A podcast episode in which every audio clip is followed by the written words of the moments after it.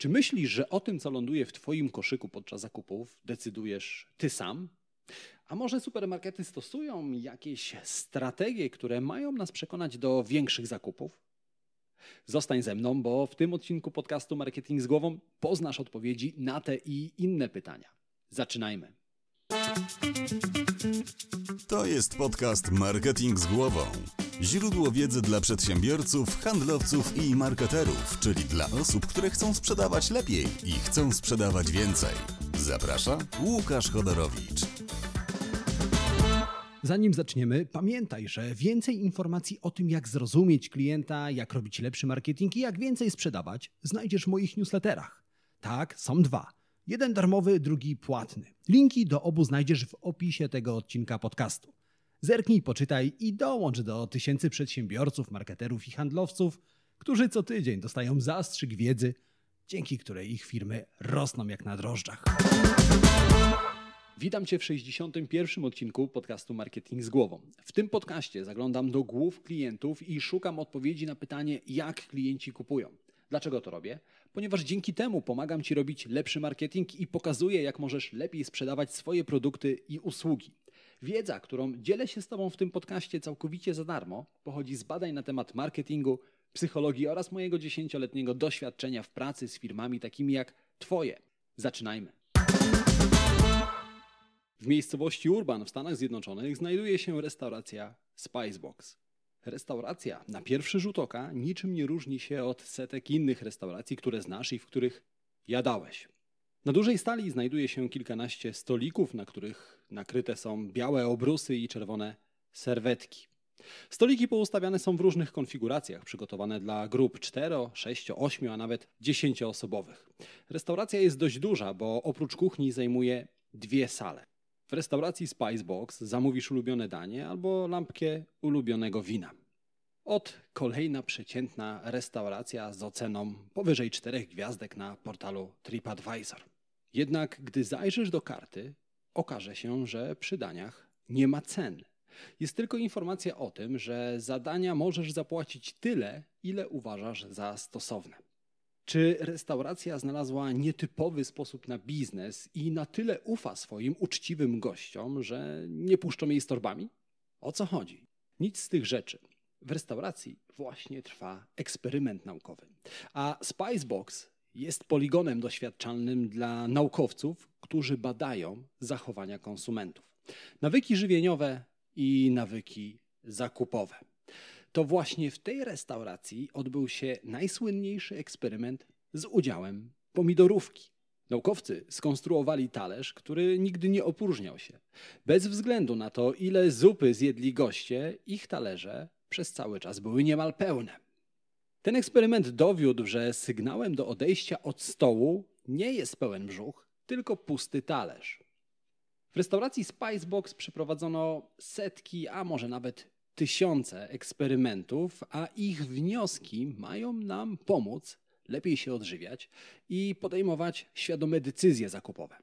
Taka przynajmniej jest teoria, bo w praktyce wnioski z takich eksperymentów pomagają supermarketom przekonywać nas do większych zakupów. W tym odcinku podcastu przyjrzymy się właśnie takim technikom, a naszą podróż musimy oczywiście zacząć od samego wejścia do supermarketu. Czy zwróciłeś kiedykolwiek uwagę, że w supermarkecie na samym początku Twojej drogi zakupowej znajdują się warzywa i owoce? Zastanawiałeś się, z czego to wynika? Jasne, być może chodzi o to, że warzywa i owoce szybciej się psują, no i sprzedawcy w ten sposób chcą szybko pozbyć się produktów, które mają krótki termin przydatności do spożycia. Jasne, ale chodzi o coś jeszcze. Okazuje się, że klient, który na początku zakupu włoży do koszyka marchewkę, jabłko i pomarańcze, ma wrażenie, że może sobie pozwolić na coś niezdrowego i chętniej sięga po chipsy, ciastka albo batonika. To rzecz jasna pewnego rodzaju paradoks. No ale tak działa nasz mózg, który tłumaczy sobie, że skoro kupił już marchewkę, no to teraz może nagrodzić siebie batonikiem. Wobec tego osoby, które na początku zakupów włożą do koszyka coś zdrowego, pod koniec częściej wychodzą z niezdrowymi przekąskami. Ale to nie wszystko. Poza tym okazuje się, że czerwone jabłka, żółta cytryna i zielona sałata na początku sklepu robi na nas świetne wrażenie. Taki sklep wydaje nam się lepszy, przyjemniejszy i chętniej robimy w nim zakupy niż w sklepie, który wita nas na przykład alkoholem. A skoro przy alkoholu jesteśmy, czy zastanawiałeś się kiedykolwiek, dlaczego alejki z alkoholami najczęściej znajdują się na samym końcu sklepu? Być może pomyślisz, że chodzi o to, żebyśmy pili mniej alkoholu. To jednak nie to. Alkohol ukryty na końcu sklepu jest pretekstem, żebyśmy zrobili sobie dłuższą wycieczkę pomiędzy innymi regałami i w efekcie najprawdopodobniej kupili coś więcej, aniżeli alkohol, po który przyszliśmy. Z tego samego powodu popularne produkty takie jak masło, mleko czy chleb również najczęściej znajdują się gdzieś w głębi sklepu. Sprzedawcy doskonale wiedzą, że jeżeli wejdziesz tylko po mleko, a przy okazji musisz przejść przy innych regałach, no to rzecz jasna w Twoim koszyku wyląduje coś więcej aniżeli rzeczone mleko, po które przyszedłeś. Swoją drogą, czy zauważyłeś, że niektóre produkty w sklepie często zmieniają swoje miejsce? Na przykład ulubiona kawa lubi się teleportować. Czasami znajdziesz ją na półce przy ciastkach, a innym razem stoi w towarzystwie makaronów. Nie, nie, to nie czary. To sposób, żeby utrudnić ci zakupy i przegonić cię kilka razy pomiędzy regałami. Znowu, chodzi o to, żebyś kupił coś więcej niż kawa, po którą przyszedłeś. Dokładnie z tego samego powodu niektóre sklepy tak projektują drogę do kasy, aby przebiegała obok produktów, które kupujemy impulsywnie. Gum do rzucia batoników i baterii. Gdy stoisz w kolejce, to często kupujesz z nudów.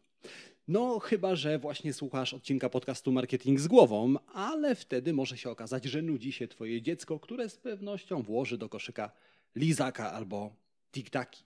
Zwróć na to uwagę. Zwróć również uwagę, jakie produkty znajdują się na półkach tuż na linii wzroku. Jeżeli intuicja podpowiada Ci, że najdroższe produkty, to absolutnie masz rację. Mamy tendencję do poruszania się po linii najmniejszego oporu. A ciastko, które znajduje się tuż na linii wzroku czy w zasięgu naszej ręki, jest właśnie taką linią najmniejszego oporu. Łatwo chwycić i włożyć je do koszyka. Nie zwracamy przy tym uwagi na inne, tańsze ciastka, które znajdują się trochę dalej i trzeba się po nie schylić.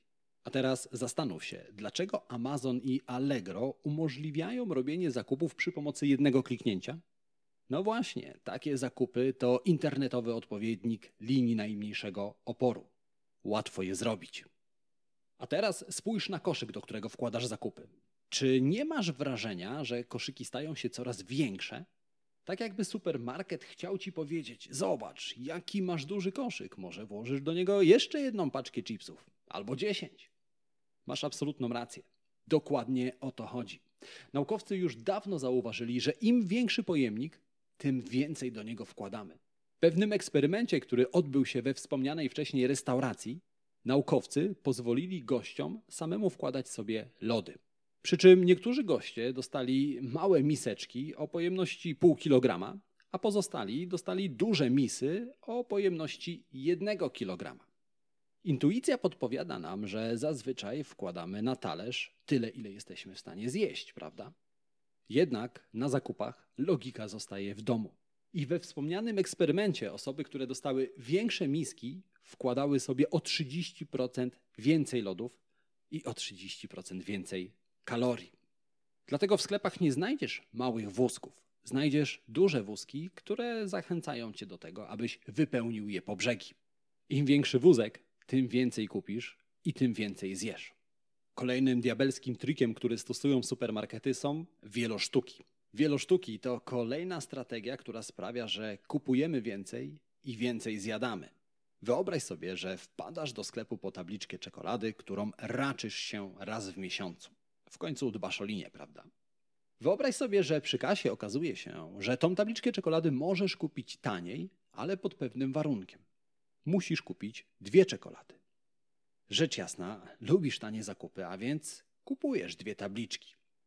I teraz nie dość, że kupiłeś więcej niż wcześniej planowałeś, to jeszcze jak sądzisz, czy poczekasz do kolejnego miesiąca, żeby zjeść dodatkową tabliczkę czekolady?